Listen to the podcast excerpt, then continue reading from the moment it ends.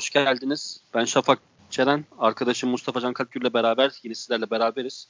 Nasılsın Mustafa? İyiyim Şafak, sen nasılsın? Ben deyim. Ee, öncelikle seyircilerimizden iki, e, iki konu hakkında özür dileyim. Onur Erdem'e dönmüş olayım biraz. Ee, e, öncelikle sesimle ilgili bir özür dileyim. Bir rahatsızlık geçiriyorum. Umarım çok kötü gelmiyordur sesim. İkinci olarak da e, bir önceki bölümümüzün sonunda da milli takım arasından sonra Fırat bizimle olacak bu bölümde demiştik. Fakat Fırat'ın yoğun işleri sebebiyle ne yazık ki yine aramızda olamayacak ve Mustafa ile beraber e, bu yayını yapıyor olacağız. Yanlış yönlendirme için de ekstradan özür dilemiş olayım. Ve dilersen e, Tottenham'la başlayalım. Mustafa ne diyorsun? Vallahi başlayalım abi. Pochettino'nun gidişi, Mourinho'nun gelişiyle bir e, açılış yapalım beraber. Ben öncelikle seni tebrik etmek istiyorum gerçekten. Ee, geç dikkatli dinleyicilerimiz hatırlamıştır. Ee, Marco Silva ile aynı puan bu adam. Kovulması konuşulan Marco Silva ile aynı puanda Tottenham. Pochettino herhalde Löw senin dinledi ve hakikaten biz niye bu adamı kovmuyoruz diye Pochettino'yu kovup Mourinho'yu getirdi. Ama abi e, ben İstiyorsan bu şekilde... bu aşkın katili olarak sen başla. Ya bu aşkın katili olarak ben başlayayım okey. Ama e, hani bu şekilde olmasını kastetmemiştim açıkçası. Hani ben bu konuda gerçekten zaten arızalı bir kişi olan Tottenham Başkanı Daniel Levy'yi tekrardan eleştireceğim.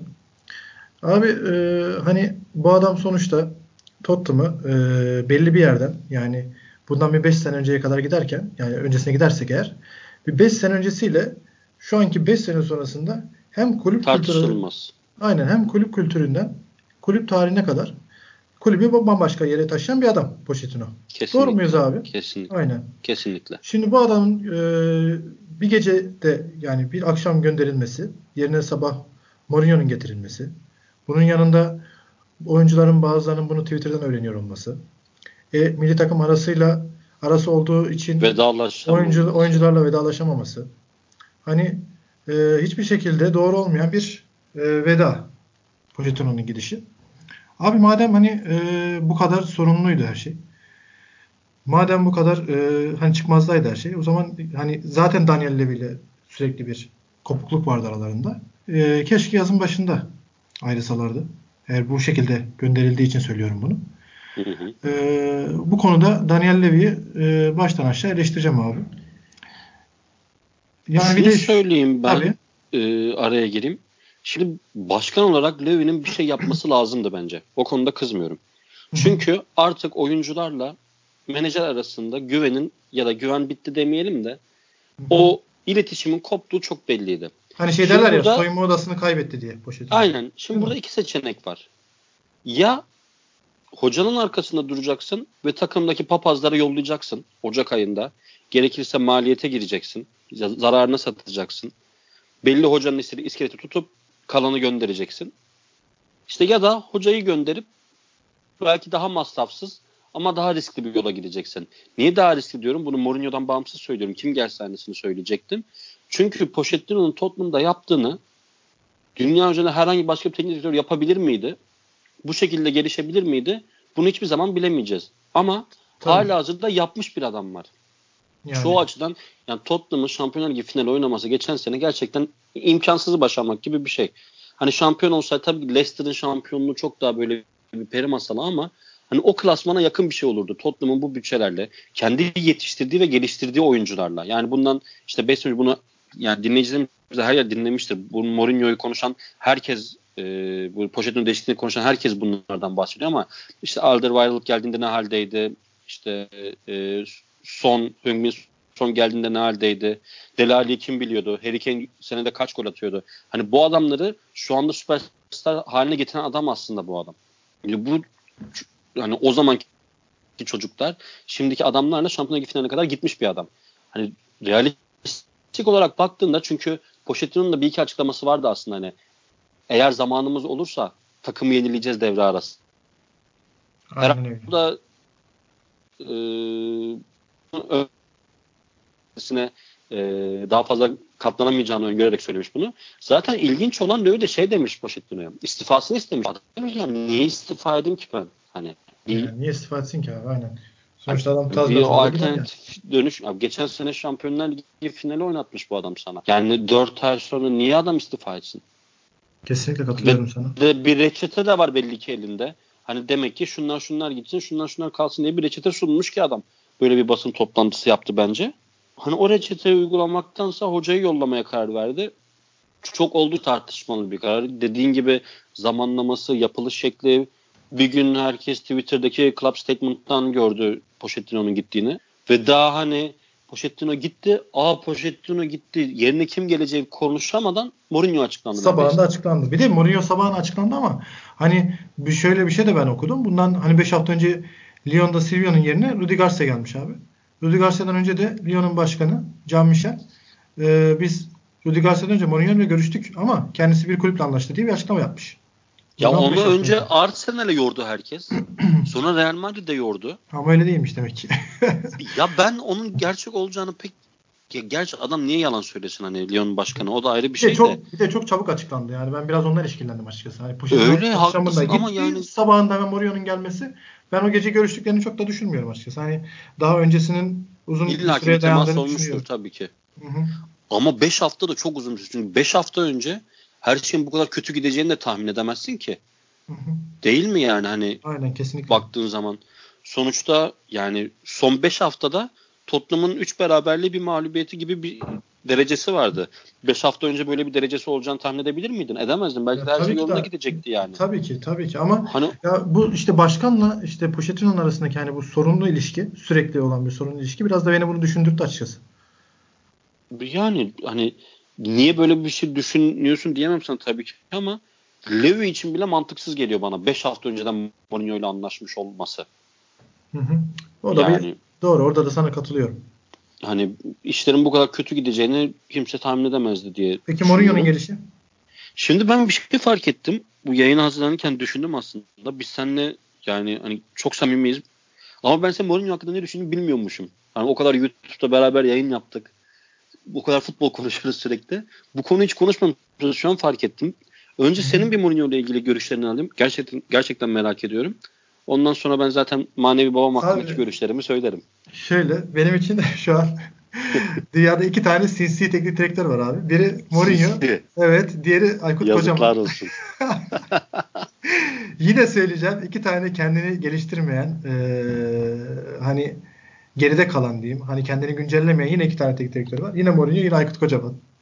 İkisi. Ben bir defa ilk baştan şuna katılmadığımı söyleyeyim. Bence teknik taktik olarak Mourinho'nun çok kendini geliştiremediğini düşünmüyorum. Özellikle bu işte göreve başına kadar Sky Sport'ta şey yapıyordu, yorumculuk yapıyordu ya. Hı hı. Gerçekten zihin açan muhteşem oyun okuyan ve yani zaten Mourinho'nun ne kadar teknik Kesinlikle. kapasitesi Kesinlikle. yüksek bir teknik direktör olduğunu söylemek anlamsız olur. Bence Mourinho'nun tek sıkıntısı bu yeni nesil Z kuşağına Hı hı. Ya aslında onu demek istedim. Hani çünkü as- yani ha, geliştiremiyordan kastın eğer oysa evet insan ilişkileri, gençlerle ilişki bu Instagram Tamamen onu topçuları. Twitter topçuları dediğimiz topçularla iletişim kuramamasıysa tamam yani Tamamen ona itiraz kastettim. edemem. Ama ha tamam ben taktiksel Tamam, bir şey tamamen. İşte taktiksel, buyur taktiksel devam et olarak abi. zaten West Ham maçında geliştirdiğini kendini gösterdi yani. ilk maçtan daha. Ee, peki şöyle devam edeyim ben. Hani Mourinho nasıl gelir Tottenham'a? iyi gelir mi? Şimdi e, Abi Ocak'ta şunu- tabii buyur. Yani şimdi şöyle tam şu an önümde notlarımda vardı bu. Şimdi gördüm. Ee, Mourinho Şampiyonlar Ligi tarihinde Hı hı. 6 farklı gruptan çıkan ilk hoca oldu ki bu hani şöyle bir şey var tabii şu son Olympiakos galibiyetine kadar tüm puanları Pochettino aldı. Onu Hı hı. koymak lazım. Ama Porto'yla gruptan çıktı Şampiyonlar Ligi şampiyonu oldu. Chelsea'li gruptan çıktı. Inter'li çıktı Şampiyonlar Ligi şampiyonu oldu. Real Madrid'de çıktı. Manchester United'de çıktı. Şimdi Tottenham'la çıktı. hı. Şampiyonlar Ligi dünya futbol sahnesinde Dünya Kupası'ndan sonra en prestijli ve en önemli turnuva. Bunda hemfikiriz herhalde. Aynen kesinlikle. Fa- yani 6 farklı takım işte e, 3-4 farklı ülke Portekiz, İngiliz, İtalyan ve İspanyol takım. 4 farklı ülke. 6 farklı takımla grup aşamasını sürekli hani çıkabiliyor olmak bence Mourinho'nun hala elit bir hoca olduğunu gösteriyor. Kesinlikle, Böyle bir tabii. CV yok yani. Tabii kesinlikle. Hani Tottenham'a nasıl gelir? Mesela e, hani sen dedin ya ilişkileri biraz şey yapamıyor diye. Tottenham'daki ilk konuşmasında sürekli basına bir şeyler bence Mourinho bilerek sızdırıyor zaten. Bunu hani bakın ben değiştirme çünkü Mourinho bu basın manipülasyonlarını çok iyi bilir ve çok sever. İyi yönetir. Ee, hani direkt şey sızdı. Mourinho oyuncularına demiş ki işte ben sizin ister babanız, ister arkadaşınız, ister sevgiliniz, ister bilmem neyiniz, her şeyiniz olurum. Bana istediğiniz gibi gelebilirsiniz gibilerinden işte böyle bir giriş yapmış. Ya şimdi biraz hani ilişki bakımından ben zaten şöyle diyeyim hani az önce eleştirimi o konuda yapmıştım. İnşallah hani oradaki öz eleştirisini kendine doğru yapabilmiştir Mourinho'nun. Ee, ya Mourinho. Eğer bunu yapıyorsa zaten hani bunu da eğer çözdüyse kendi içinde zaten hani elit bir teknik direktör. Hani e, Tottenham için harika olacaktır. Ama benim sıkıntım şurada. Hani şimdi Daniel Levy ile ikisi arasındaki ilişki nasıl olacak? Hani, biri para harcamayı çok seviyor, biri de hiç sevmiyor. Yani şimdi Daniel Levy bir anda kişilik mi değiştirecek Mourinho geldi diye? Ben hiç Ama herhalde anlaşırken bu özellikle bu Ocak ayı transfer dönemi veya yıl sonu konuşmuşlardır herhalde. Ya um, umuyorum öyle umuyorum. Hani ama ben Daniel Levy'nin de bir yandan hani e, bir anda kişilik değiştireceğini çok düşünmüyorum. Bunun yanı sıra ayrıca şimdi Ocak'ta Eriksen, e, Alderweireld, Vertonghen hani Pochettino gitti, Mourinho geldi diye takımda kalacak mı? Mesela. Yok Eriksen gitti, gitti artık herhalde. Değil yani. mi? Eriksen. Yani. Mourinho da mesela geldi geldi iki maçta da ilk 11'e koymadı Eriksen'i. Hı hı. Mesela o ilk, ilk koymadı sonra değil mi? Olimpiyat maçında dakika 25'te falan aldı. 25. dakika. 29'da 2-0 olunca maç direkt kendi oynuyor. gizli silahı daire çıkarttı. Hı hı. Ee, Eriksen'i aldı. O biraz mecburiyetten. Ama belli ki yani Eriksen'le Tottenham arasındaki ipler kopmuş yani kesinlikle. Aynen. Ya işte dediğim gibi hani Daniel Levy ile olan ilişkisi ve e, kendine yapacağı öz eleştiri. Çünkü Mourinho da e, bundan önceki iki kulübünde de soyunma odasını kaybetmiş bir tek direktör. Şimdi Pochettino soyunma evet. odasını kaybetmiş bir tek direktör olarak gitti. Şimdi evet. e, CV'ye bakınca Mourinho da son iki kulübünde soyunma odasını kaybeden bir teknik direktör olarak geldi. Hani benim aslında kast, e, kastettiğim şey oydu. İnşallah hani kendini bu konuda geliştirmiştir demek istediğim konu buydu. Hı hı. Doğru yani onu ona bir şey diyemem ama hani geliştirmiş gibi duruyor en azından şu aşamada. En azından şu an öyle duruyor. Maça geçelim istersen. Aynen. Ee, ilk 11 üzerinden gidelim dilersen başlan, tamam. başlangıçta. Tamam. Hani Mourinho ne gibi bir değişiklik yaptı hı hı. E, Pochettino'ya nazaran. Bir defa çok net bir 4-2-3-1 koydu. Aynen. Ve bildiğimiz anlamıyla 4-2-3-1 koydu. Peki Sola ilk 11 seni şaşırttı mı? Yani şimdi en farklı olan şey daire en son gitmeye yakın oynatıyordu Pochettino. Onda da stoper oynatıyordu. Ve daire gerçekten kötü oynadı stoperde. Hı hı. Ee, onu direkt orta sahaya koymuş. Bence ilk düşündüğü şey aslında hani bu Sissoko'yla Wings'in veya işte hani Endombele oynadığı zaman sakat değilken hı hı. E, o orta sahanın geçirgenliğini azaltmak istemiş. Mourinho her zaman hani herkes şey der otobüsü çekiyordu falan filan savunmacıydı gibi bir algısı var ama bence elindeki malzemeye göre en iyi bence e, şeyi çıkaran teknik direktördür o. Ben mesela kesinlikle Sissoko'yu oynatmayacağını biliyordum. Yani hiç Sissoko'yu ilk 11'e koyacağını hiç düşünmedim mesela. Ve Delali'yi de yani ilk hamlesi, tahmin ediyordum yani. İlk hamlesi bir defa orta sahayı Wings ve Dyer'la o geçirgenliğini azaltmak, biraz bir fizik koymak ve kazanılan topları hızlı bir şekilde işte Delali'ye, Sona, Mura'ya aktarıp kendine de gol aramak. Çok basit ve mantıklı ya çözüm. Elinde mesela bence. elindeki malzeme aynen kesinlikle. Şimdi sen şey dedin ya hani taktiksel olarak dünyanın en iyilerinden bir tanesi diye. Hı-hı. Mesela şu maçta e, hücumda farklı bir formasyon izledik. Defansta farklı bir forma, formasyon izledik. Şimdi şöyle oldu. Hani biraz böyle Liverpool'u City'ye benzer tarzda bir oyun sergiledi aslında Tottenham. Şöyle yaptı abi. E, hücumda e, oraya ileri çıktı abi. E, Davis Solbek geriye gelerek üçlü bir stoper hattı oluşturdu orada. Aslında şey gibi Abdullah Avcı'nın sezon başında Beşiktaş'a yaptırmaya çalıştığı. Aynen öyle. Aynen öyle. Dizinin yapılabilir halini yaptı. Yapılabilir halini çok iyi bir şekilde e, izlemiş olduk en azından. Nasıl yapıldığını biz de görmüş olduk bu sayede. doğrusunu Oraya, görmüş olduk. Aynen doğru, doğrusunu görmüş olduk. Oraya ileri çıkınca abi Mura Harry Kane'in yanına yaklaştı. Son da ileri geçti. Yani bir tane kanat oyuncusu bir tane bek oyuncusuyla ileri hattı beşledi. Arkalarında da Delali ile beraber. Yani daha çok 3 ortada iki kişi Dyer ve e, Winks. İleride de 5 kişiyle o dörtlü salmaya bir, bir kişiyle üstünlük sağlamak istedi. Yani daha çok City ile Liverpool'un yaptığı tarzda yapmak istedi. Ama bunu Aurier'den yana kullandı tercihin. Hani Davis biraz daha böyle atletizm olarak yetersiz kaldığı için Davis hücumda evet. Kullandı. Ee, bence bunu da çok güzel kullandı ve bunu da en iyi şeyde gördük. Hani e, sonun kesip Mura'nın golü attığı pozisyonda gördük. Aynen. İki, çok aynen. güzel çoğaldılar hücumda. Çok güzel çoğaldılar. Tam bu taktiği en iyi şekilde çok güzel bir şekilde uyguladılar. Ee, o yönden ben dediğin şeye katılıyorum. Hani taktisyenlik bakımından dünyanın en elit, elit hocalarından bir tanesi. Bu arada orta sahaya dair monte etmesin şöyle bir etkisi var. Ee, bu maçın sonunda şöyle bir istatistik çıkmış ortaya. Erik Dyer bu maçta 16 hava topuna çıkmış. 9'unu kazanmış.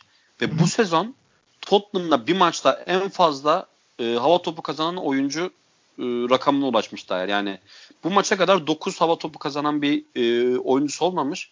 Orta sahaya koydu Dyer'le bunu başarması yani hem yüksek toplarda hem de e, rakibin yüklendiği zamanlarda daha böyle bir savunmayı derli toplu tutabilmesini sağlamış. Ya benim bundan anladığım, bu dizilişten ve bu oyuncu tercihinden anladığım ve o senin bahsettiğin beklerin kullanımını gösterdiği Mourinho'nun ilk teşhisi aslında savunmaya olmuş Tottenham'a karşı.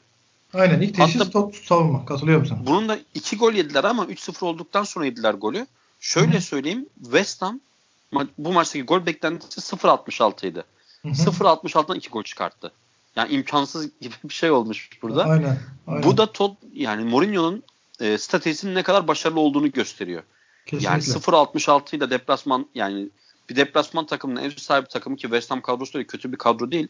0.66'da tutması her ne kadar maç 3-2 bitmiş olsa da e, savunma anlamında aslında Mourinho'nun ilk teşhisini doğru koyduğu ve doğru çözüm bulduğunu gösteriyor.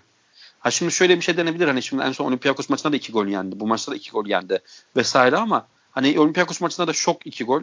Bu maçta da 3-0'dan sonra düşen bir 2 gol. İlla ki Mourinho takıma disiplinini oturtacaktır. Şu aşamada Tabii. böyle şeyler mümkün ama normal aynen. En azından strateji olarak doğru teşhis ve doğru tedavi uyguladığını söyleyebiliriz. Buna ek olarak ben bir şey eklemek istiyorum. Hani Tottenham'ın bu seneki en yüksek topa sahip olma yüzdesine dolaştığını söyleyeyim. %60 civarında topla oynamış. Hani e, maç sonu röportajında da zaten hani e, artık topa sahip olan takım yani maçta biz olmamız gerektiği e, şeklinde bir açıklaması var Mourinho'nun da. Sanırım hani bu sene Tottenham böyle daha çok Mourinho'dan sonra topa daha sahip e, bir görünüm de göreceğiz herhalde.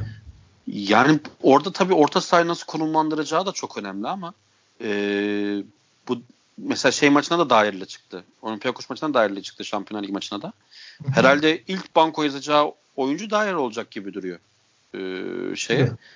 E şimdi Dyer Wings'te orta sahayla topu çok fazla tutamayabilirsin aslında.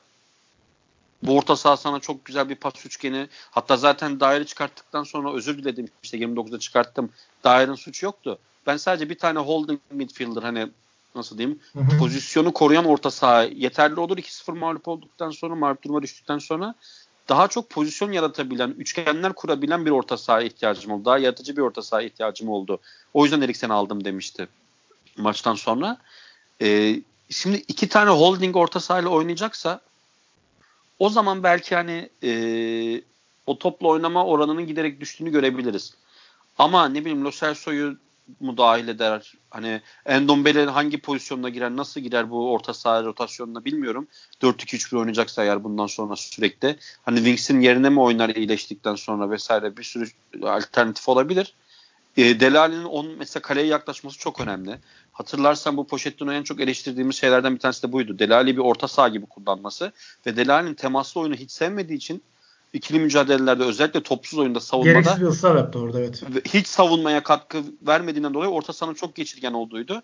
Onu direkt kaleye yaklaştırdı. Delali'nin çift haneli gol ve asist e, rakamlarına ulaştığı iki sezon önceki yerine Harry Kane'in yanına yaklaştırdı ve onun işte boşalttığı alanı Dyer ve Winks'le kontrol etmeye çalıştı. Endombele bundan sonra ne kadar oynar? Ben onu en çok merak ettiğim şey o olacak Tottenham'la ilgili. Bu Winks Dyer ikilisinin e, ne kadar devam edeceği aslında Tottenham'ın toplu oynama yüzdesinin nerelerde olacağını da belirliyor. Olacak aslında gibi geliyor Winks, bana. Winks ve Dyer'la da hani %60 civarı oynamış aslında bakacak olursan. Hani şey ma- maçı için. Hani West Ham maçı için konuşuyorum. Hani, bir, yani onun bir maçlık bir şey olabilir gibi geliyor bana. Sen daha sonra bu yüzde gitgide düşecektir diyorsun. Ya bu orta sahayla oynayacaksa düşmeye Hı-hı. mahkum. Yani Anladım. hem Wings hem Dyer e, orta sahası yani yanındakine pası verebilecek oyuncular bunlar. Böyle dikine, çapraza vesaire böyle çok etkin bir şekilde düzenli pas verebilecek oyuncular değil. Topa sahip olmak istiyorsanız bir defa stoperlerinizin ayağı iyi. Onda bir sıkıntı yok. Ama yani uzun oynarsanız topla oynama yüzdeniz düşer. Uzun oynamaz Dyer ve Wings de çıkmaya çalışırsanız bence top kaybetme riskine çok fazla almış olursunuz. Hani bilmiyorum bakalım bir 3 maç falan geçsin. Genel bir oy, Mourinho döneminin istatistiklerini daha iyi değerlendirebiliyor oluruz. Tabii canım, ee, O zaman hem orta saha yapısına hem toplu oynama yüzdesine her şeye bakmış oluruz. Delali'yi çok tutacak gibi duruyor. Hem e, onu da 10 numara pozisyonuna koydu şey maçında. Aynen. West maçında. Hem temastan biraz daha uzak. Hem Abi daha Delal'in öyle Delal ceza sahası hani pozisyonsuz oyuncu demiştik zaten. ama Aha, aynen. aynen yani tabela yapabileceği yerlere yakın oynatırsan sen Delal'den verim alırsın. Verim alabilirsin. Kaleden uzaklaştığı sürece yani özelliğini kaybeden bir oyuncu sonuçta. Bu Delal de Mourinho daha iyi faydalanacak gibi duruyor ilk maçta. Zaten ilk gene basına sızdırılan şeylerde görüşmelerde direkt Delali'ye gidip bugüne kadar oynayan senin erkek kardeşin miydi? Delali'ye ne oldu falan demiş. Evet evet duydum onu da. Aynen direkt. Mourinho'nun hedefi bence zaten hani ligde maksimum dördüncülük olur. Ee, bence onun hedefi az önce de senin bahsettiğin gibi bence bu kadro iyi bir kadro. Ee, bence bunu da Mourinho çok farkında. Sanki Mourinho hedefi Şampiyonlar Ligi gibi, gibi duruyor bana. Yani bu kadroya operasyon yapacak mı? Onu çok merak ediyorum Ocak ayında. Yapsa bile abi e, ben lig bakımından çok iddialı konuma geleceğini düşünmüyorum Tottenham. Hayır hayır tabii ki. Lig Şimdi şöyle zaten. bir şey var. Hı. Aynen onu söyleyeceğim. Şimdi mesela ilk dört diyoruz Şampiyonlar Ligi için. Hı hı. Dördüncü sırada Chelsea var 26 puan. Tottenham 10. sırada 17 puan. Yani 9 puanlık bir fark var. Zor işi. Ve hani bir tarafta her şey yolunda giderken dolu düzgün giden bir Chelsea her, yani şimdi geçeceğiz City mağlubiyeti var ama dünyadaki evet. herhangi bir takım Etihad'da City'ye yenilebilir. Bir yandan da yeni işte hocasıyla Tottenham hani ilk 4 bile bana çok gerçekçi gelmiyor. Hani ilk 6'yı hedeflemesi daha mantıklı makul gibi. Ama evet, ilk 4 olursa zaten şey demiş oluruz yani yılın sonunda. Mourinho setini gösterdi demiş oluruz. Kesinlikle. İstiyorsan buradan City Chelsea'ye geçelim. Var mı ekleyeceğim başka bir şey? Yok gayet güzel e, bir bence analiz oldu. Geçelim direkt. O zaman City Chelsea maçına geçelim. E, maç başlangıç planlarını nasıl buldun iki takımında? Ben yani benim en çok merak ettiğim şey o aslında. İlk yarım saati e, nasıl değerlendirdiniz? Çünkü maçı böyle bölerek inceleyebiliriz aslında. İlk merak ettiğim iki hocanın maç başlangıç planlarını nasıl buldun? İkinci merak ettiğim Mahrez'in golünü gördükten sonra geçen haftaki isyanımızı evet. ne kadar haklı olduğunu hatırladın mı? Şimdi e, ilk ilk e, konuya değinim. Bu sefer Liverpool maçından farklı olarak 4-3 ile başladı. Hani kendi stiliyle başladı. Evet. Manchester City. Hani Liverpool maçında 4-2-3-1 ile başlamıştı. Daha Hı-hı. çok arkaya sarkan oyuncuyu durdurmak için. 4-3-3 ile başladı. Ama e, 4-3-3 ile hiç etkili olamadı. Özellikle ilk yarım saatte. Chelsea ilk yarım saat ben yani e, Chelsea'nin yarım saatteki oyuna bakarak hani Manchester City nasıl öne geçip maçı 2-1 e, çevirdi. Baya şey oldum ya şaşırdım. Bayağı şaşırdım. E, Chelsea kendi oyun oynadı. Yine e, o ikinci bölgede topu kaybedip hızlıca geçiş oyunuyla atağa kalktı. Kovacic uzun topuyla zaten Kante ileri çıktı ve gol geldi. Daha sonra yarım saatten sonra e, biraz diziliş değiştirince Manchester City tekrardan diziliş değiştirince Kevin De Bruyne e, Rodri'nin, Rodri'nin yanına geldi. David Silva biraz daha kendini ileri attı. Ondan sonra e, hani biraz daha böyle e, kontrol ele geçirdi ikinci yarı. Yani gol, ya ilk şimdi, gol şans golüydü. De Bruyne'nin ilk golü şans golüydü. E, Mahrez'in de bireysel evet. golüydü. Yani onun dışında işte ilk, ilk yarı hiç etkinlik gösteremedi. İkinci yarıda işler değişti dediğim gibi. Ya şimdi şöyle hani biz böyle çok böyle tutarsız ve anlamsız konuşuyor gibi olmayalım. Hani biz zaten City'nin 4-3-3 oynaması gerektiğini ya Rodri ya İlkay ve De Bruyne ve Silva ile oynaması gerektiğini zaten söylüyorduk. Ama Hı-hı. bu maçta bu kadroyla çıkıp niye bu kadar boşluk verdi? Bunun tek sebebi var. Bu orta saha ve savunma yapılanması çıktığında ki savunma yapılanması dediğim stoperin eski önlü Veron Fernandinho. Hı hı. E, Mendy, Cancelo, John Stones dörtlüsü. Önüne Rodrigo De Bruyne Silva ile çıktığın zaman senin mutlak surette topu ayağında tutman lazım ki savunmada zaaf yaşamayasın. Kesinlikle. Ama o Chelsea'nin orta saha üçlüsü Yani Jorginho, Kante ve Kovacic öyle bir yarım saat oynadılar ki. Çok çok çok çok iyiydi. Ya yamyam gibiydiler gerçekten. Evet gerçekten ve çok iyiydi. Topla oynama yüzdesinde City Chelsea topu bıraktı, kaybetti. Aynen öyle.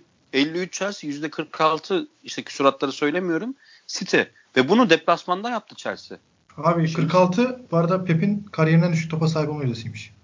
Yani şimdi sen bu kadroyla çıkıp bir de topu rakibe verirsen orada zaten yani Kante büyük maçların golcüsü oldu zaten. Yine golünü attı. Ki orada Mendy'ye de bir sonra. e, pay çıkartmak lazım. Vurdurmaması lazım hiçbir halükarda. Sen kalkıp yani Kante tamam hani e, birebir mücadelelerde savunma anlamında özellikle etkili bir oyuncu ama hani orada artık o omuzu koyabilmen lazım senin o fizikle. E, onu bir kenara koyalım ama Kante yine golünü attı. Jorginho ile Kovacic yani muhteşem bir oyun oynadı. Maç başlangıç plan olarak Mason Mount'un olmaması. Yani Hı hı. çünkü e, Chelsea'de çok net 4-3-3'te çıktı. Aynen sonuçta. Willian, e, Pulisic, Abraham. Pulisic bir yani. kanatta, William bir kanatta. Hı hı. Önlerinde Abraham. Mason Mount'u iptal etti. Ya, çıkarttı onu 75'te oyuna aldı sonradan. Jorginho, Kante. Jorginho yerine. E, ne diyorsun sen? Yani bu sence hücumu düşünen bir değişiklik mi yoksa savunmayı değiş? Gerçi hani Mount'un olmaması nasıl hücumu e, düşündürüyor diyebilirsin ama özellikle Kante ile Kovacic'in ileriye doğru yani nasıl diyeyim dizginlerinden boşalmışçasına koşu yapmaları e, bana o Mount'un oynayacağı pozisyonun bilerek boş bırakıldığı hissiyatı kap yani Lampard abi dersini yarattı. çok iyi çalışmış. Lampard dersini yani çok iyi Lampard çalışmış. o alanı boş bırakıp Rodri'nin öne çekme yani nasıl anlatabilirim bunu? Şimdi Rodri'nin olduğu bölgede normalde Mount oynasa birebir onları almaları birbirlerini almaları beklersin. Mount'u oynatmayarak o bölgede bir boşluk yaratıyorsun. Çünkü sen orta saha çizgine şey koyuyorsun. Orta saha sınırına koyuyorsun. En arkada işte Jorginho, işte e, sağda Kante, solda Kovacic. Bir üçlü hat kuruyorsun. Önünde bir boşluk var. Kanat oyuncuları zaten açılmış. Rodri de doğal olarak, haklı olarak biraz orta sahanın önüne doğru gelmeye başladı. Çünkü yani kontrol etmesi gereken bir adam yok orada. Ve hücuma daha fazla katkı vermeye çalıştı kendince. Bu sefer de Chelsea'ye top geçince stoperlerine yaklaştı. Dolayısıyla Aynen. 3. bölgede Chelsea inanılmaz bir boşluk buldu ve bu bence tesadüfi bir şey değil. Lampard'ın dediğin gibi dersine çok iyi çalışmasından kaynaklanıyor. Abi Lampard e, Liverpool ve Wolverhampton maçlarını çok iyi izlemiş. E, ben sana söyleyeyim. Çünkü e, City en çok zorlu o ortada Abraham gibi e, yani topu ikinci bölgede çok iyi topu kazanıp e, bir anda hızlı bir geçişle o boşluğu değerlendirerek hani Mount'un bıraktığı boşluğu değerlendirerek geçe- geçerek o Abraham'ı e, içeri hızlıca kat etmesinden biraz da faydalanmış olarak gördüm ben pozisyonlarda. Şimdi e, Mount'un orayı boş Mount'un pozisyonun boşluk bırakılması tamamen dediğin gibi sana katılıyorum. Özellikle yapılmış bir şey. O tesadüfi bir şey değil. E, Liverpool'un mesela hep City'ye nasıl zorluk çıkardığını görüyoruz. Hep Firmino'yla aslında biraz e, orayı çözüyor. Daha Hı hı. hızlıca e, Mane, Salah yine hızlıca çık, çıkıp yine salmayı zor durumda bıraktığı pozisyonlarda biraz daha çözüyor defansı, City defansını. Hı hı. E, Chelsea'de biraz orta sahasıyla bunu yapmaya çalıştı aslında. Topu kapıp E zaten yani golün direkt- asistini yapan Kovacic yani sol iç oynayan Kovacic asist yaptı. sağ, sağ iç oynayan Kante golü attı. Abraham da ortalığı karıştırdı orada biraz. Abraham da aynen orada Aynen, aynen, ortalığı- çekip ortalığı karıştırdı. Aynen tamamen bence plan buydu zaten. Yani şu maçın istatistiklerine baktığın zaman hangisi City hangisi Chelsea karıştırıyorsun aslında. Evet. Yani en fazla topla buluşma ya City'den fazla pas yapmış deplasmanda Chelsea. Hani bunun bir tercih olarak da söyleyebilirim. Çünkü bunu Mourinho daha önce e, pardon Mourinho diyorum. Çok kandık bugün.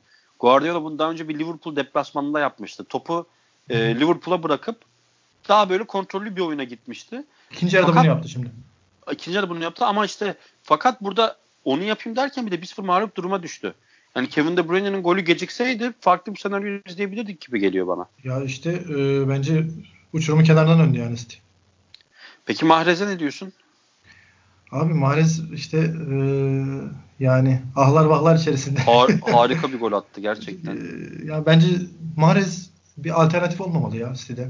Bence ilk 11'in düzenli oyuncusu olmalı diye düşünüyorum ben her zaman. Yani özellikle Sané'nin ilk yarıyı kapattığı bir durumda Mahrez'in bu kadar az o bu kadar geri planda bu kadar geri planda kalmasını ben hiç doğru bulmuyorum. Aynen öyle. E, City'yi kapatmadan son bir şey söyleyeyim sana. Geçen Atletik'te bir yazı okudum. E, her kadronun ve her başarılı kadronun diyeyim 4-5 yılda bir bir böyle bir sallanması, bir değiştirilmesi gerektiği söyle e, yazanın ana düşüncesi. Ve Guardiola eğer City'de bir sezon hatta sözleşmesi bitene kadar kalmak istiyorsa mevcut kadroyu yenilemesi lazım diye bir e, yazı var. Hatta belki de hani Pochettino'nun başına gelen de buna yakın bir şeydi diyebiliriz. Hı hı. Çünkü her 4-5 yılda bir kadroyu yenilemezsen artık oyuncuların eskisi gibi aç olmuyor ve seni dinlemeye, senin söylediklerini yapmaya daha böyle bir e, isteksiz oluyor diyebiliriz. Ben oldum havasına e, giriliyor. E, kolay bir şekilde. Ha, sen ne diyorsun? Gerçekten e, bu sezonun sonunda özellikle City'nin kadroyu bir yeniden yapılandırması lazım mı? Eğer öyleyse mutlaka takımda tutması gereken oyuncular hangileri olması lazım sence? Ben de seninle aynı fikirdeyim ya. Bu görüşe katılıyorum. Hani sen katılıyor musun bilmiyorum da. Ee, ya ben de katılıyorum aynen. Ya ben de bu çünkü hani Pochettino'nun da bu sıkıntı yaşadığını gördük. Önümüzde güzel bir örnek var aslında. Sen de bahsettin. Abi e, bence kesinlikle değiştirilmeli. Kalmalı dediğim kesinlikle oyuncu Kevin De Bruyne. Bir numara yazarım. E, artık Fernandinho'nun falan hani gitmesi gerektiğini düşünüyorum. Agüero'nun gitmesi gerektiğini düşünüyorum. Bence de. Yani, yani şimdi sakatla iyi ki olmuş denmez ama yani. Agüero'nun bu formuyla belli bir süre sahadan uzak kalması yani hem Jesus için iyi oldu hem de bence City için iyi oldu. Aynen. Lafını yani kestim abi devam et. Yok estağfurullah. Sterling, e, Bernardo Silva, Mahrez, e, hani Jesus. Tabii bunlar, oynayacaksa. Bunlar aynen oynayacaksa. Bunlar Sane hani yine oynayacaksa. Hani Sane'yi tutmak zor gerçi bu saatten sonra da. E, bu saydığım Sane'yi bundan dışında tutayım. E, bu saydığım dört oyuncunun kesin kalmalı mesela. David Silva gitmeli artık. Fernando artık zaten bırakıyor ha, aynen. Aynen. Agüero gitmeli. İşte e, Rodri bu sene katıldı. E, kalabilir. Mecbur İlkay kalacak. Tabii. İlkay kalacak. Ee, işte Zinchenko, daha çok savunma attığı için mi diyorsun? Yani işte bekleri tutabilir. Zinchenko, Zinchenko Cancelo gibi. Daha çok stoper ikilisini daha e, sağlama alabilir. Ki ben zaten Cancelo'dan sonra... çok memnun mu bilmiyorum açıkçası ama daha tabii yeni geldiği için. Aynen. Yeni geldiği için aslında biraz ben de saymadım. E, defansa Çağlar alabilir. Yani transfer, herhalde şu yani herhalde şu işte Otamendi'ydi ne bileyim Hı-hı. işte Fernandinho'ydu, Agüero'ydu dediğin gibi. Aynen, Hatta bence belki de İlkay'dı. Çünkü Philip Foden'u da artık monte etmek isteyebilir orta sahaya da Silva'da gittikten olabilir. sonra. Eyvallah. Olabilir. Hani e, yavaş yavaş belki bazılarıyla vedalaşıp hani Hı-hı. yeni bir kadro yapılmasına gitmesi lazım. Gerçekten sözleşmesinin sonuna kadar kalmak istiyorsa. Kesinlikle. Ben de yani bu saydım adamları ama bir numaraya Kevin De Bruyne yazalım. Tabii yani. onu tartışılmaz. Aynen. Hı-hı. Var mı ekleyeceğim başka bir şey? Yok. City dediğim gibi yani uçurumun kenarından döndü. Ee, iki şans, yani bir şans golü bir de bireysel yetenek golüyle maçı kazandı. İkinci yarıda ya zaten bu maçı kendi... kaybetseydi zaten Aynen. yani sıkıntıya girerdi gerçekten. Leicester'la Liverpool'u konuşuyor olurduk artık. Yani Leicester Chelsea Liverpool olurdu hatta. Ha bir de o var. Eğer bu maçı Chelsea kazansaydı Chelsea var. o da Tabii. çünkü Leicester'la aynı puanda olacaktı. 29 olacaktı. City 25'te kalacaktı. Yani 13 haftada ikinciyle bile 4 puan fark yemiş olacaktı City. Ki bu kadronun bu hale düşmesi yani sezon öncesi e, düşündüğümüzde gerçekten hiç aklımıza hayalimize gelmeyen bir şeydi. Dediğin gibi gerçekten de uçurum kıyısından döndüler. Ama bir şekilde evet. döndüler sonuç olarak. Aynen. Bu maçın hani önemli notları dediğimiz gibi City %46 civarı bir top sahibi topla yüz, top, topa sahip olma yüzdesiyle oynadı. Pep Guardiola'nın kariyerinin en düşük e, topa sahip olma yüzdesi. Ee, yine bu, bu maçta gördük ki hızlı geçişle savunmanın arasında hızla sarkan oyuncular City her zaman problem yaratıyor. Ee, üçüncü olarak da City kilit maçlarda 4-3-3'ü tercih etmemeli diyorum ben. Peki o halde buradan istersen Liverpool'a geçelim. Liverpool tamam. e, öne geçti, yakalandı. Tamam çekirge bu sefer sıçramıyor diyorken Firmino gene attı golü. Evet. Ee, bu sene Liverpool'un e, alışkanlığı mı diyelim? Hani son dakikalarda e, maç çevirmesi. Zaten tüm dinleyicilerimiz muhtemelen Twitter'da falan görmüşlerdir bu e, Klopp'la Guardiola'nın şakalaşmasını. Hani Klopp şey diyor. Geçen sene sürekli sizin puan kaybetmesini bekledim. Leicester maçında Leicester maçında çok ümitliydim. Kompany'nin işte hani orta sahayı hemen geçip bir tane şu çekmişti ya 1-0 bitmişti maç. Kompany'nin oyununda çok büyük bir hayal kırıklığı yaşamıştım diyor Klopp. Guardiola da diyor ki ben bu sene Liverpool'un her maçında hayal kırıklığını yaşıyorum diyor. Gerçekten de öyle. Yani Liverpool neredeyse bu sene tüm maçlarında bir böyle bir aksiyon izletti herkese. Bu maç özelinde ne diyorsun? Yani ilk yarı bir defa çok kötüydü Liverpool. Evet. Çok durgundu özellikle. Salah'ın eksikliği mi? Hani orta saha Fabinho Henderson çıkmasının etkisi mi? Daha böyle bir holding midfielder tarzında Keita'yı oynatmayıp ya da Lalana'yı orada oynatmayıp hani neyden kaynaklandı bu tutukluk diye sorayım sana. Ama bir de şöyle bir şey var. İkinci yarı başında da hiçbir oyuncu değişikliği yapmadan bu sefer de ikinci yarıda çok hızlı başlayan bir Liverpool var. Mane bir defa savunma arkasına kaçtı. Golü atamadı. İkincisinde ceza sahası içerisinde karambolde ilginç bir şutla da golünü attı 49'da. Ne diyorsun ilk yarıda yani ilk yarıyı izleyen biri e, maç ilk yarı 0-0 bitti ama ilk golü herhalde Crystal Palace atar der. Ve bahis yaparsa da muhtemelen kaybederdi. E, ikinci yarı farklı bir hikaye oldu. Bu farkı hani devre arası konuşmasıyla mı düşünmemiz lazım? Sence bir sahada taktiksel değişiklik oldu mu? Ee, öncelikle şöyle başlayayım. Hani bence Liverpool'u bu sene şampiyon yapabilecek e, yapacak e, şey buydu. Hani bu tarz kötü oynadığı maçlarda geçen sene Liverpool çoğunda puan kaybetti. Hani kötü oynadığı da kazandığı e, kilit maçlar bu seneki kadar fazla değildi.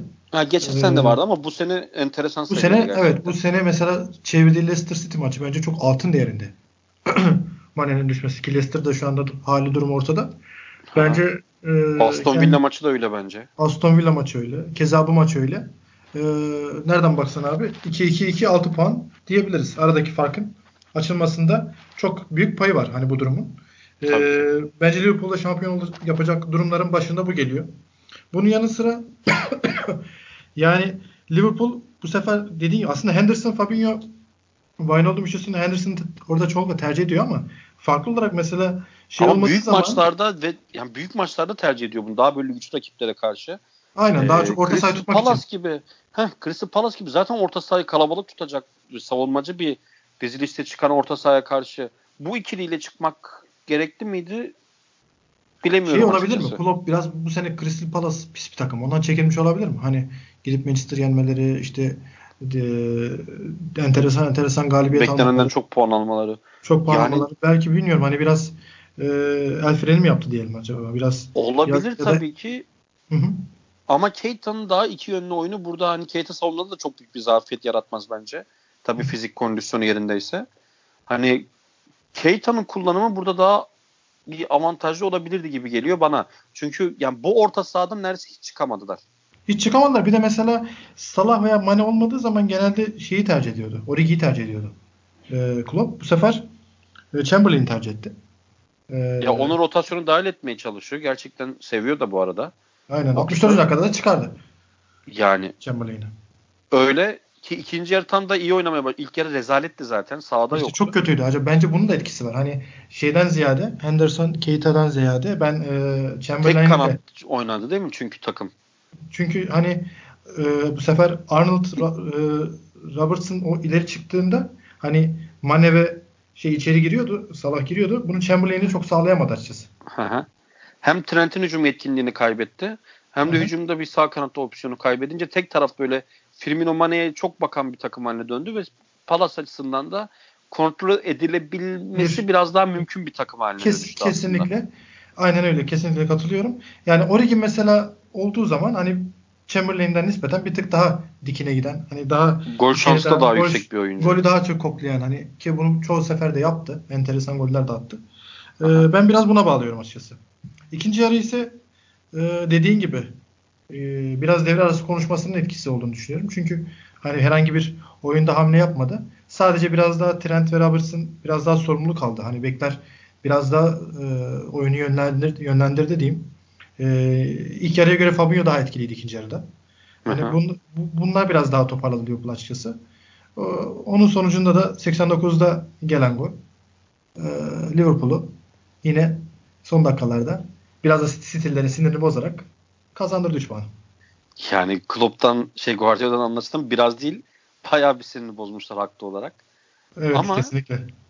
Yani e, şöyle bir şey var. Geçen e, gene Twitter'da görmüştüm. Geçen sene 13 ya, yani 13 Mayıs 2018 tarihinden itibaren 13 Mayıs 2018'den 23 Kasım 2019'a kadar Liverpool sadece bir maç kaybetmiş.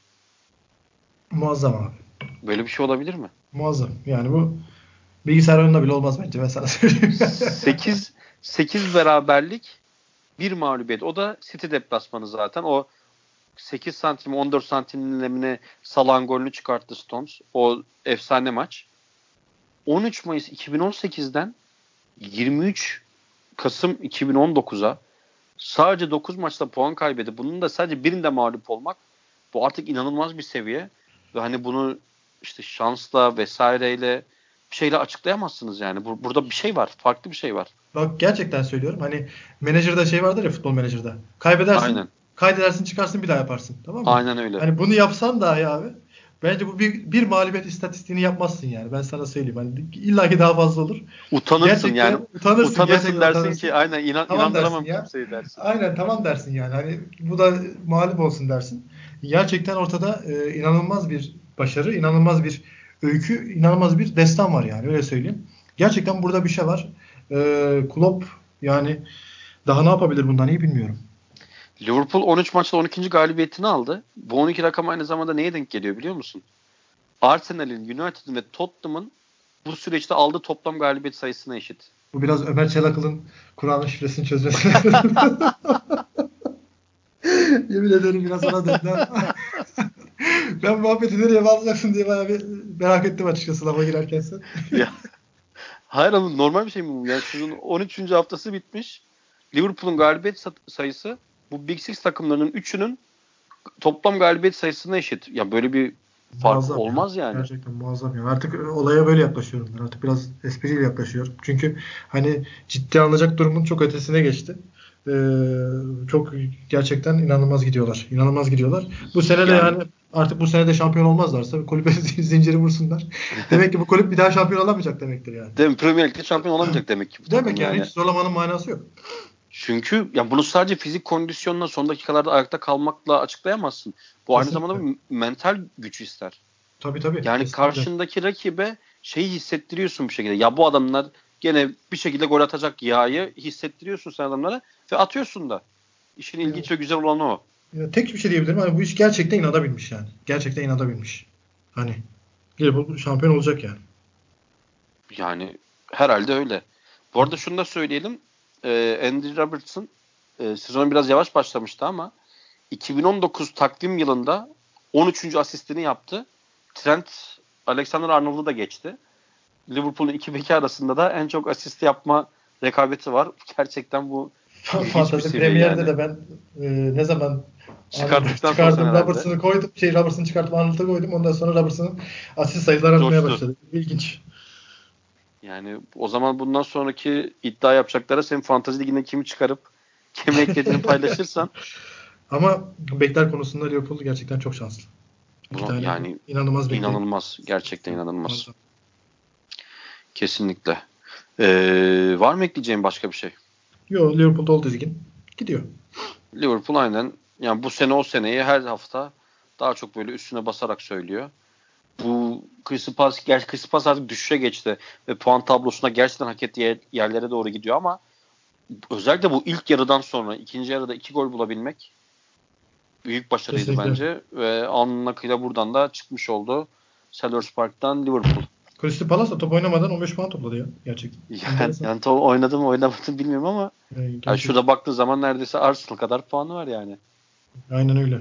Gerçekten öyle. Hani beğenmiyoruz etmiyoruz Crystal Palace'ı ama 15 puanı var. Tottenham'ın 17, Arsenal'in 18 puanı var. United'ın 17 puanı var. Kesinlikle. Enteresan. Öyle. Peki United'a mı geçelim Arsenal'e mi? Sen seç o zaman. Arsenal'e sana bırakalım ya.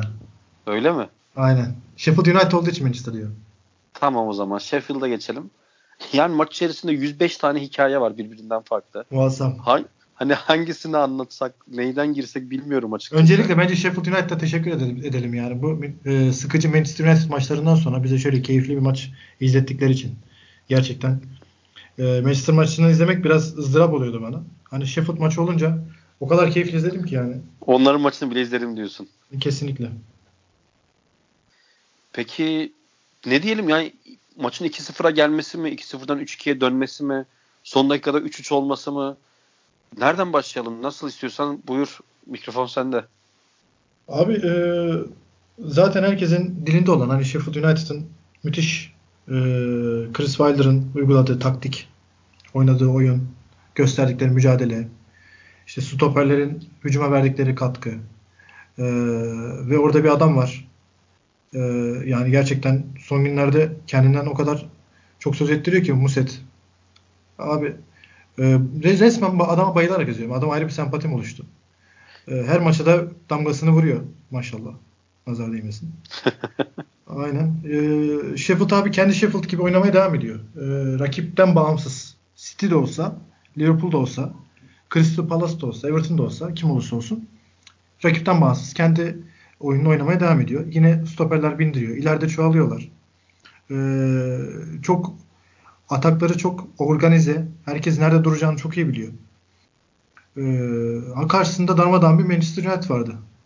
Öyle söyleyeyim. Ya da kendileri mi darmadağın ee, hale getirdiler? Ya da o da olabilir. Hani hakkını yemeyelim. Haklısın. Çok doğru söylüyorsun. Ee, buradan maçın 3-2'ye gelmesine çok şaşırdım. Artık çaresizlik mi diyelim? Elinde artık başka bir şey de kalmadı mı? Hani kadronun e, durumundan dolayı mı? Gençlerle e, James olsun, işte Greenwood olsun, sonradan gol atan genç e, şey neydi adamın adı? Şu ilk golü atan. Greenwood'u mu diyorsun? Yok Greenwood, at, Greenwood değil. Şeyin golünü atan mı? Brandon Williams. aynen aynen. Brandon Williams olsun. Adını hatırlayamadım bir an. Abi gençlerle normal abi yani gerçekten çocuk yaşta gol attı adam. Yani e, enteresan bir maç izlettiler bize. Abi Manchester United ben, bence maçı ben şey diye düşünüyordum. Hani 2-0 olduktan sonra hani herhangi bir reaksiyon beklemiyordum Manchester United'dan açıkça söyleyeyim. Ben de kesinlikle. Yani o biraz bana sürpriz oldu. Hani e, çıkıp işte Greenwood'un gol, at, gol atacağı, işte Brandon Williams'ın gol atacağı falan çok beklemiyordum. E, hani atsa atsa belki Rashford atar bir tane diyordum ama hani o yönden bayağı şey oldu. Bana sürpriz oldu. Bir de hani 7 dakikada 3 gol buldular. Bir anda oldu her şey. 72'de 3 2-1'e geldi maç. 77'de 2-2'ye geldi. 79'da 3-2'ye geldi abi. Bir anda oldu her şey. Sheffield da bir anda dağıldı. Ama sonradan yine toparlayıp son dakikada yani 3-2'den sonra biraz moral bozukluğu olması gerekir aslında takımda. Hani biraz Çok gardın, gardın düşer 2-0 öndesin. Hiçbir şey yokken 7 dakikada bir anda 3 gol yiyorsun falan. Ona rağmen 3. gol attılar ve berabere bitirdiler. Hani bu yönden de tebrik ediyorum. Ee, John Fleck ve Muset'i de ayrı maçın ayrı bir hikayesi olarak söyleyeyim diyeyim yani. Yani Sheffield'ın bu enteresan dizilişini ve hani stoperleriyle beklerini beraber ileriye çıkartmasını defalarca konuştuk. Hani tekrar tekrar e, söylemeye gerek yok. Ama orada şöyle bir şey var. Özellikle Fleck bunu sezonun ikinci yarısında çok iyi yapmaya başladı. Bek oyuncusuyla orta saha oyuncusunu çizgiye yaklaştırıyor. Bilinçli bir şekilde Chris Wilder. Evet. Stoperi içeriye boşalan içeriye hatta doğru. Yani kör kör noktası oluyor aslında takımın. Rakip takımın, savunma yapan takımın. Çünkü orada sen bir 3'e 3'e 4, 3'e 2 kalacak gibi düşünüyorsun sen. Adamları çizgiye çekiyor. Dolayısıyla United orta sahasında çizgiye geliyor. Bekir de çizgiye yaklaşıyor. Beşimi Hatta yakın stoperi de yaklaşıyor. Efendim? 6 numara 5 6 numara 5 numara yapıyor herhalde bu dediğini. Aynen aynen. Hı hı. Hemen o sırada işte ya sağ stoper ya sol stoper inanılmaz bir topsuz koşu yapıyor. Aynen. Ve orta sahada inanılmaz bir boşluk oluşmuş oluyor. Yani gerçekten hani anlata anlata öve öve bitiremeyeceğimiz her hafta yeni bir şey gördüğümüz e, bir özellik. Harikaydı e, Sheffield yine. Hatta şöyle United orta sahasının nasıl böyle e, hafif kendini kaybettiğini şu iki istatistik çok net açıklıyor. Bu maçta e, maçın en çok top kaybeden oyuncuları United'ın orta sahası. Pereira ve Fred. Pereira 23 kez top kaybetmiş, Fred de 18 kez. Fakat aynı zamanda maçta en fazla top kazanan oyuncular da Pereira ve Fred. Yani orta sahaya o kadar büyük mesai harcatmışlar ki adamlar hem her yere koşturup top kazanmışlar hem de kalabalık Sheffield orta sahası karşısında ve savunma hattı karşısında sürekli top kaybetmişler. Bunun çok tesadüfi olduğunu düşünmüyorum ben açıkçası. Maçın geri dönmesini sağlayan istatistik de Fred ile Pereira'nın bu kaybettiği topları geri kazanmaya başlayabilmeleri. Özellikle o 72 ve 79'luk dönemde top Sheffield'da neredeyse hiç kalmadı. United topu sürekli çabuk kazandı ve hemen rakip kaleye indi. Aynen. Çok e, çabuk ambale oldular bir şekilde. O sırada o 10 dakikada. Hani orta saha direnci de kalmadı. Savunma da biraz hani ne yapacağını bilemedi. Burada United'ın topu sürekli ve çabuk bir şekilde geri kazanmasının çok büyük bir etkisi var. Ee, ama dediğin gibi yine de teslim olmadılar. Ve McBurney hani bir var kontrolüyle de gecikti top. Hani top eline değmedi omzundan geliyordu. Neyse ki değmemiş. Barz bir Neyse şekilde ama aynen çok yıkıcı olurdu bir de. Hani öyle bir şekilde dönüp ondan sonrasında e, puan kazanamamak bu maçtan gerçekten çok yıkıcı olurdu. E, pardon. Ama bir şekilde e, geri dönüp puan almayı başardılar. Ve şöyle bir şey var. Sheffield United'ın kadrosunu nasıl bilirsin? Hani iyi bilmezsin. Çok kimse bilmez. Hele ki yedeklerini hiç kimse bilmez. Fakat Aynen. şu anda Premier Lig'de yedekten gelip en çok gol atan takım Sheffield United. 5 gol atmış. Değil mi? Bunu da Billy Sharp ve McBurney ile yapıyorlar. Ve yani demek Chris Wilder'ın bu kadro suyunu çıkarıyor ya gerçekten.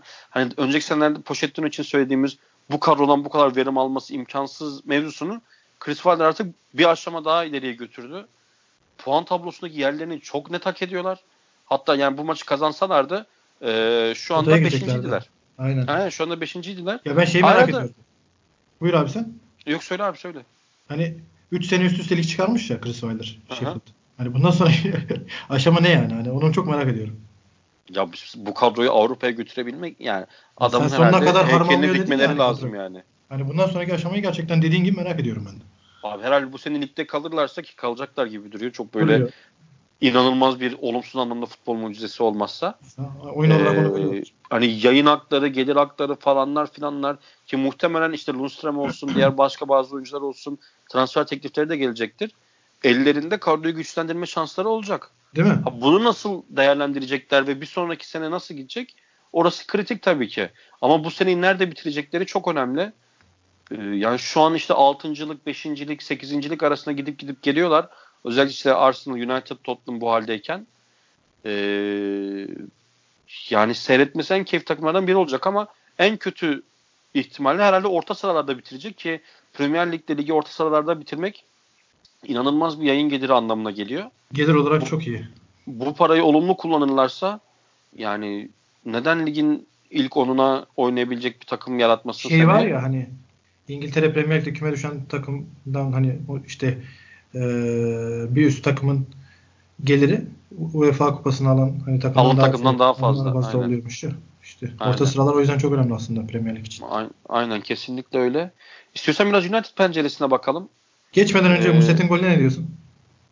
Ay, çok güzel gol. Ya ben Muse'yi bu arada e, sezon öncesi yayınımızda din, dinleyen e, dinleyicilerimiz olduysa hatırlamıştır. Ben dinledim. Bornemo'yu konuşurken ben demiştim ki bu adamlar niye bu kadar çabuk vazgeçtiler? Hani, evet, ben Bu çocukta daha bir şeyler vardı diye. O yüzden Ama, özellikle sordum sana bu soruyu. Aynen yani sürekli üzerine koyuyor. Ya gol atıyor ya asist yapıyor. Sürekli Tony Kroos gol attı ya. Ağlara pas Aynen. Çok ya öyle bir ayak içi müthiş. Gerçekten çok güzeldi. Hani Goldrick'te de güzel bir ikili oldular. Sürekli arıyor, sürekli mücadele ediyor. Yani izlemesi çok keyifli oyunculardan biri şu ana kadar. Kesinlikle. Buradan United'a geçelim. United 3-4-2-1 ile çıktı. Lindelof, Aynen. Phil Jones oynadı uzun zaman sonra. Maguire gerçi Phil Jones oynadı. Yer oynayabildi. Gol de yedirdi sağ olsun. Sağ olsun ee, eline sağlık. Aynen. Gelir gelmez şovunu yaptı. Ee, ondan sonra zaten hani şey çıkarttı, onu çıkarttı, e, Lingard'ı aldı. Hı, 46'da. 46'da hemen devre arasında. Bir diziliş teşhidine gitti Solskjaer. Fakat sonrasında 2-0 oldu. 2-0'da maç 3-2'ye geldi. Ya bu hamleyle bağlantılı olarak görüyor musun bunu? Ki 2-0 olduktan sonra e, Pereira da 2-1'den sonra oyundan çıktı. E, onu çıkartıp Greenwood'u aldı. Greenwood da golünü attı. Yani oyundan yaptığı değişikliklerden verim aldı diyebiliriz aslında. Aynen verim verim almış baktığında. gözüküyor. Verim almış gözüküyor. Rashford Brandon Williams'ı da 2-3 haftadır oynatıyor böyle. O çocuk da golünü attı sonunda. Aynen. Ya bir şeyler denemeye başladı Solskjaer. En azından e, denemeye başladı aynen. Solskjaer için bir olumlu bir şey söyleyebileceğiz herhalde haftalar sonra. E, Rashford da biraz toparladı. Geçen haftaki Brighton, geçen milli takım arasından önceki Brighton maçında da çok iyi oynamıştı Rashford. Hı hı. E, şimdi maçta da bir gol bir asist yaptı. Ben Rashford'u da çok beğendim bu maç. Daniel ee, James de asistini yaptı. Aynen Daniel James, Daniel James de. Zaten Manchester buradan dönüyor ya. Ee, hani bu hattan dönüyor. Benim Aynen için... James Rashford Martial bir şeyler yaparsa bu takım gol atıyor. Aynen. Benim için hayal kırıklığı biraz Van Bissaka oldu Manchester United'da. O beklediğim Van Bissaka Güzel değil. başlamıştı aslında ama hmm. düşüşe geçti haklısın. Yani bayağıdır beğenmiyorum Van Bissaka'yı Manchester United'da. Ya Soskayer mesela Greenwood'u aldı. Cesurca, güzel e, ya da mecburca diyeyim. E, çaresizce de diyebiliriz. Çaresizce de diyebiliriz aynen. Ama Greenwood golünü attı. Rashford çok güzel bir asist yaptı Greenwood'a. Greenwood da çok güzel uzattı ayağını ve golü attı. E, Soskayer değişikliklerle oyunu biraz kendi lehine çevirdi. Burada bir hakkını verelim. Bir paye ee, vermek lazım herhalde. Öyle Martial mesela e, pardon hani Pereira'ya çıkarıp Greenwood'u alması mesela. Oradan da bir skor elde etmesi. Soskayer'e artı yazar. Yani şu şöyle bir artısı var bir de aynı zamanda lafını kestim. Tabii. Ee, United ilk maç şey ilk yarı sadece bir tane şut çekebilmiş Sheffield United karesine ki bu Solskjaer döneminin en kötü rakamı. o 45'ten sonra stoper çıkartıp Lingard'ı alması en azından hani bir şeyleri değiştirebildiğini gösteriyor. Sonra 10 şut, 10 şut daha çektiler zaten aynen. Aynen. Bir, bir ara dediğin gibi sadece 3. bölgede oynandı oyun. 2-0'dan sonra. Aynen. Ee, çok güzel golü. Hemen arkasında. Aynen o da çok güzel bir ayak içiydi. Aynen sonra direkt işte James'in Rashford'a çok güzel asisti. Ha, bir anda 3-2 oldu maç. Peki şunu söyleyeyim sorayım sana e, United'la ilgili son olarak. United şu an tarihinin en kötü serisine doğru gidiyor. Evet. 12 maçtır üst üste gol yiyor. Seri rekor 15 maç. 85-86 sezonu. Hı hı. Sence bu 15 maçı yakalarlar mı? Yoksa artık hani kalelerini gole kapatmayı başarabilirler mi sonraki Yaka, maçlarda? Yakalamaması çok sürpriz olur. Bu stoper üçlüsüyle. Ya mesela sahasında Aston Villa ile oynayacak bir sonraki maç. Ya Aston Villa atar. Atar mı diyorsun? Kesin atar. 15'i bulur diyorsun yani. Bulur bulur. Bence kesin bulur. yani yani Solskjaer'in gerçekten yapması gereken çok şey var. 2-0'dan maçı 3-2'ye ve 3'e getirdiği için övüyoruz gerçekten ama maç neden 2-0'a geldi onu da bir düşünmek lazım. Hani e, Sheffield'ın 3-5-2'sine 3-4-2-1 ile çıkmak hani bir şey denemiş en azından deyip takdir edebiliriz tabii ki ama denediği şeyin de çok olumsuz sonuç verdiğini de söylemek lazım bence. Sen dedin yani ar- arka arkaya gol yiyorlar diye. Aha. Abi iki tane gol yemedikleri takım da çok enteresan. Chelsea, Chelsea biri. Chelsea ve Leicester. Yine çok Aynen. enteresan. iki tane takımdan gol yememeleri çok enteresan yani. Aynen doğru söylüyorsun. O zaman var mı ekleyeceğim başka bir şey? Yok Arsenal'e geçebiliriz. Ya ben Arsenal'e geçmek istiyorum bir yandan. Ee, bir yandan da istemiyorum. Biz dursak da Pochettino mu geçse acaba Arsenal'e? Ne diyorsun? Yani Pochettino geçer mi? Ben Pochettino olsam geçmem. Şahsen. Yani. Ben de Şu an Arsenal'in başına geçmem. Ha şöyle ligde böyle bir drama yaratmak istiyorsam tabii ki geçerim. Hani Londra'nın kuzeyine. Ama hmm. Pochettino'yu hak etmiyor bu takım. Bu kulüp, bu yapılanma, bu yönetim. Bence ama böyle, hak etmiyor çok net bir Böyle şekilde. bir teknik direktöre bence ihtiyaçları var onların. Ya var tabii ki ama bence çok daha büyük bir futbol aklına ihtiyaçları var. Gerçekten. Tabii o da var. O da var tabii. Yani şu haldeki Emery'e hala dayanabiliyorlarsa bilmiyorum. İstiyorsan önce biraz maçtan bahsedelim sonra Emery, Pochettino işte rakip oyuncular hani Hazenhüttl da var mesela. Yani Cenepo bildiğin hocayı kovdurmaya çalışıyor. Çünkü maç 2-1 iken 5-1'e falan gelebilirdi. 6-1 olabilirdi. Aynen. Cenepo ve hani Buffalo, Redmond ısrarla gol etmemeye çalıştılar.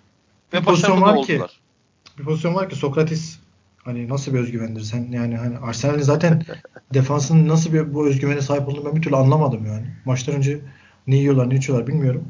Hani e, defans altı pasın içinde adam resmen topu kaybetti defansta. Hani onu da atamadılar yani. Dediğin gibi resmen sabote ediyorlar takımı. Ya yedikleri golde o hızlı başlıyor ya Southampton'ın attığı ilk golde. Evet evet. Enteresan. David Luiz arkasını dönmüş gidiyor. Ya abi bu kadar olabilir mi ya? Ondan Çok... sonra şeyler e, takım arkadaşları bağırınca dönüp bakıyor adama salman arkasına geçmiş Shane Long. Offside'de itiraz ediyor bir de. Evet Abi ya, sen o, görmedin ki. Senin yani, arkan dönüktü zaten ya. O, o ne biliyor musun? Hani o ben bir halt yedim. Hani ne yapsam? Hani ya abi bir stoper Yani evet. arkasını dönebilir mi ya rakip yarı sahada yani kendi yarı sahasında rakip serbest vuruş kullanırken? Böyle bir aymazlık olabilir mi? Bu kadar yani 5 tane adam hakeme dönmüş elini kaldırıyor abi. Enteresan yani. Abi çok garip ben ya. gerçekten bu e, Arsenal'in defansın bu kendinde olan özgüveni, kendine olan bu şeyini çok merak ediyorum nereden geliyor. Ya bu arada bence kadro olarak Emery en iyi çıkarttığı kadrolardan birini en çıkarttı. doğru en doğru kadrolardan birini çıkarttı. Evet katılıyorum sana. Aynen. Yani şöyle Pepe ve Martinelli'yi oynatmayacaksan, kanatlardan vazgeçeceksen, hani winger back kullanacaksan işte Bayern'de Tierney gibi o zaman en iyi kadro buydu. Ben bu arada hep e, Tierney'den hiç vazgeçmem bence. Arsenal'in bence bu maçta en iyisi Tierney'di yani. Ya işte onlar da kendi Andrew Robertson'larını o, o da İskoç işte bu da İskoç. Kendi Andrew, Andrew Robertson'larını yaratmaya çalışıyorlar bir şekilde. Ee, Benim Tierney'de ısrar etmeleri lazım. Bence Martinelli'de de ısrar etmeleri lazım. Adam yine oyuna sonradan girdi asistini yaptı. Ha, o da var. Oyun, yani fırsat bulduğunda sürekli bir şeyler yaratıyor bu adam. Yani şey ama ben maçta şeyi de beğendim ya. Tierney'in bindirmelerini falan bayağı beğendim ya. Bayağı bindirdi. Yok iyi oynadı gerçekten. Genelde hep oyuna sonradan çıkarıyordu Tierney ama bu maç 90 dakika kaldı sahada. Mesut'u 10 numara pozisyonda oynattı bu sefer. Tam iki santrfor arkasında. Ve bir şekilde e, Lacazette Aubameyang işbirliğinde golü de buldular. Zaten yani Arsenal buradan Aubameyang... gidiyor abi. Lacazette ve Aubameyang'ın eline bakar durumda şu an sadece. Lacazette'in ikinci golü attıktan sonra sevinmemesini neye yormak lazım sence? Emer, Emery'e yormak lazım abi. Neye yoracağız başka? Hani lan attım da hocayı kurtardık mı? Yani üzüntüsüyle ben... yoksa hani Hı. Southampton'a karşı beraberliği yakaladık diye de sevinmeyelim. Sevmiyordu, sevmiyordu olabilir. Yani ikisi de olabilir abi. Ama hani vücut dilini hiç beğenmedim ben. Lacazette'in. Gerçi genel olarak hani sevinmiyor ama daha başkaydı. Hani çok öyle gol atıp da aşırı sevinen bir adam değil. Genelde böyle bir bakış atıp vücuduyla Aynen garip gol sevinçleri var ama bu garip ama bayağı üzgündü yani. Burada hiç e, o reaksiyonu da göremedim açıkçası. Dediğin gibi yani enteresan. Yani sonuçta 90 işte 6'da beraberliği yakaladılar. Ama, Ama bak, bak, değil mi? Baksan gidersin hani köşe bayrağında kayarsın falan koşarsın tribünden ama. E, tabii canım kim yapsa bir şey yapar. Kim yapsa bir şey yapar ama. Bence ya Arsenal'le ilgili kritik nokta 71'den sonra 71'de ikinci golü yediler. İşte penaltı, dönen topu tamamladı. World Pros falan. O arada o kadar vurdum duyma ya o Sokrates'in hareketleri, David Luiz yani o maç nasıl 5-1 6-1 olmadı? Yani Southampton gerçekten onlar da hocasına ayrı ihanet eden başka bir takım. Başka bir oyuncu grubu. Gerçekten ihanet ettiler. Yani Armstrong olsun, Redmond olsun, özellikle Cenepo olsun. Valla pre- savunması... Premier Lig maçını mı izledik, yalan rüzgarı mı izledik ben anlamadım. Ya. Abi Arsenal'in savunması darmadağındı ya. Elin, yani topu ayağına alan altı pasa giriyor. Bak ceza sahasına değil altı pasa giriyor. Southampton yani dediğin gibi yani gerçekten oyuncular hani eğer takımı sabote et, yani etmemiş olsaydı şu an bence skor 5-2 falandı. Ya bu maçın gerçekten 2-2 bitmesi için tuhaf. Her şeyi yaptılar. Her şeyi yaptılar ya. Southampton 21 şut çekmiş abi Arsenal'de deplasmanda. Abi zaten Arsenal'e 20 şut çekmeyeni dövüyorlar. E, aynen öyle. E zaten bu maçta işte gol beklentisi 3'e yakın Southampton'ın. Çok acayip. Bak Southampton Arsenal karşı deplasmanda oynuyor. Gol beklentisi rakamları 1.5'a 2.70. Çok acayip. Arsenal'in 1.5 kendi sahasında. Çok acayip. Ki Southampton da ligde 13 maçta 13 gol atmış. 31 gol yemiş. 9 puanı var sadece. Yani bu Arsenal'in ne iç saha oyunu var artık. Eskiden bir iç saha oyunundan bahsediyorduk. Ne o kaldı. Zaten dış sahada Arsenal'i yenmeyeni dövüyorlar. Berabere kalan hoca üzülüyor Arsenal'i sahasında yenemedim diye. Yani daha ne, ne bekliyor bu yönetim bir aksiyon almak için? Allegri boştayken işte Pochettino boştayken hani gelmez diye mi düşünüyorlar işte bu Belki de yokladılar ve gelmiyorlar. Öyle bir şey de olabilir. Abi Emery'den hani, teknik direktör bulabilirler ya. Ya Nuno Espirito Wolverhampton hocasını e, bir dirsek temasındalarmış. En son öyle bir haber çıktı. Ne diyorsun sen? Sence mantıklı bir gidiş olur mu? Ya bu Emery yüzünden hani Arsenal'e de bir uzak bakıyor tek direktörler. Takımı ya takım o kadar kötü oynuyor ki şu anda. Adamlar gelmeye de çekiniyorlar yani. Yani Nuno Espirito'yu takımın başına getirmek bence Arsenal'in Emery'i getirirken ki yaptığı hata gibi biraz e, şeyi düşürmek gibi, klasman düşürmek gibi geliyor bana. Bana da öyle geliyor. Yani abi Emery'den Emery'den vazgeçtiğin zaman artık hani aklı başında düzgün hani e, tamam bu takımı taşıyabilir artık bir şeyler yapabilir dedi, diye yani Allegri gibi tek direktörlere yönelmen lazım artık bence. Hani e, Wolverhampton tek direktöründen ziyade. Aynen doğru söylüyorsun. Peki o zaman var mı ekleyeceğim başka bir şey? Bu hafta biraz uzun uzun konuşmuş olduk tüm takımları, Aynen. hocaları vesaire. Detaylı uzun bir programımız oldu. Umarım dinleyicilerimiz de memnun kalmıştır. Var mı ekleyeceğim başka bir şey ya da başka bir takım bahsetmek istediğin?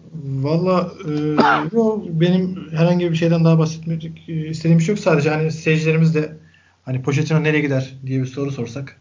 Hani ne bir cevap sonraki durak neresi olur diye. Bakalım bir sonraki aynen. durak neresi olur diye bir soru sorsak. Hani cevapları da merak etmiyor değilim açıkçası. Twitter'da bir yani, anket yapalım onunla ilgili hani, olmazsa. Aynen kesinlikle. İlk cevabı da senden bekliyorum. yani ben şey diye okudum. Bayern Münih'le bir dirsek temasına geçmiş Pochettino diye. Ben Arsenal'e geleceğini zannetmiyorum.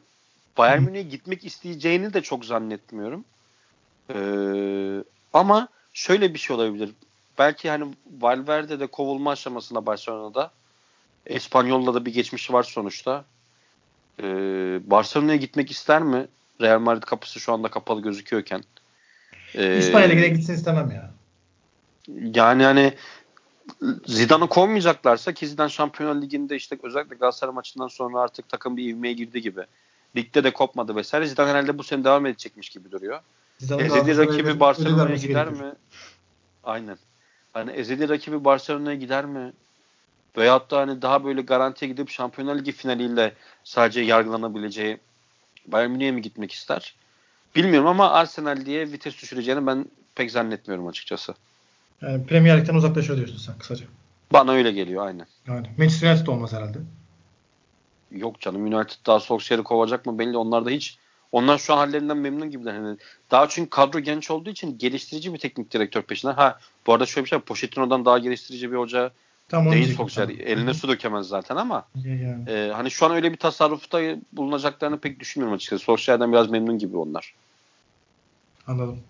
Bana da e, yani Bayern Münih gibi geliyor aslında. Hayır, istediğim Arsenal'e gitse keşke. Hani dediğin gibi bir İngiltere Premier Lig'de şu şeyi bir görsek e, mücadeleyi güzel olurdu. Bence güzel, keyifli olurdu. Ama şu an için Bayern Münih gibi duruyor bence. Bakalım seyircilerimiz ne söyleyecek. Ee, bununla ilgili anketi de Twitter sayfamızdan zaten paylaşıyor oluruz. Mustafa teşekkür ederim. Ağzına ben teşekkür sağlık. ederim. Senin de ağzına sağlık. Haftaya daha iyi bir ses tonumla, mümkünse Fırat'la ve bol gollü güzel maçlarla tekrar sizlerle beraber olmak dileğiyle. Hoşçakalın. Hoşçakalın.